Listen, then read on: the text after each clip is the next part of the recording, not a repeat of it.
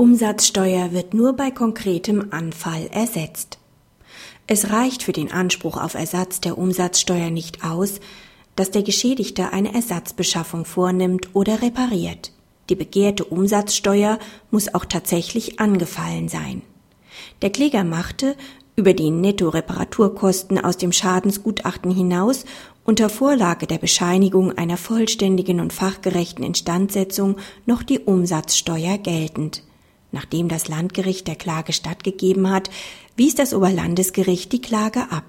Das Oberlandesgericht macht deutlich, dass ein Anspruch auf Ersatz von Umsatzsteuer nur besteht, wenn eine solche auch tatsächlich angefallen ist. Allein aus der Tatsache einer Reparatur lässt sich noch nicht folgern, dass der Kläger mit einem Umsatzsteueranteil belastet worden ist. Es weist auch darauf hin, dass eine Kombination aus Netto-Reparaturkosten laut Gutachten und zum Beispiel Umsatzsteuer aus Ersatzteilrechnungen möglich ist. Aber auch hierzu hat der Kläger konkret nichts vorgetragen. Praxishinweis. Es ist schon überraschend, dass acht Jahre nach der Neufassung des Paragraphen 249 Absatz 2 Satz 2 BGB das Landgericht Umsatzsteuer zugesprochen hat, obwohl der Nachweis, dass konkret Umsatzsteuer angefallen ist, nicht erbracht wurde.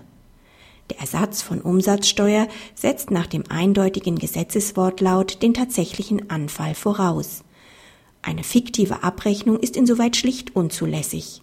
Zu diskutieren ist allenfalls, ob und inwieweit eine Mischung zwischen fiktiver Abrechnung nach dem Nettowert und zusätzlich der konkreten Abrechnung von Umsatzsteuer zulässig ist.